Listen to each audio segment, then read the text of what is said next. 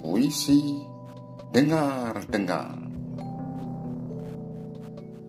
Dengar-dengar, ada yang deklarasi, ada yang ingin perbaiki negeri, ingin mengoreksi berbagai penyimpangan yang sedang terjadi. Katanya, untuk perbaiki moral bangsa yang sudah begitu terdegradasi. Dengar-dengar, deklarasi dilakukan sehari setelah kita peringati 75 tahun kemerdekaan RI di pusat kota di DKI, di Tugu Proklamasi. Dengar-dengar, deklarasi diinisiasi oleh para tokoh negeri ada mantan TNI, ada akademisi, ada politisi, ada juga kaum santri. Pendukungnya dengar-dengar tersebar di seluruh pelosok bumi.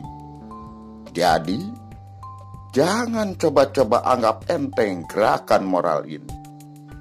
Jangan juga dipolitisasi. Dengar-dengar, ada delapan tuntutan kelompok ini. Ada soal virus yang sembunyi-sembunyi merenggut anak-anak ibu pertiwi.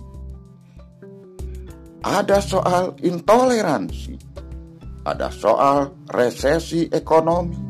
Ada soal kolusi, korupsi, oligarki, kleptokrasi yang harus segera diberesi ada juga soal upaya menggoyang NKRI. Upaya mengubah ideologi jangan sampai terjadi. Bangsa ini harus tetap tegak berdiri.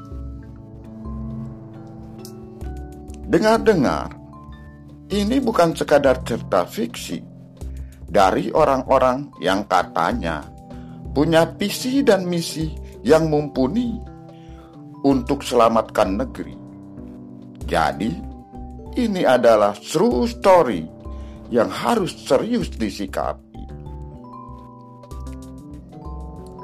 Dengar-dengar, ah sudahlah, aku tak mau dengar-dengar lagi. Aku ingin melihat-lihat sendiri. Aku ingin mengamati, biar tidak menjadi friksi dalam hati. Bukankah setiap kita punya penglihatannya sendiri?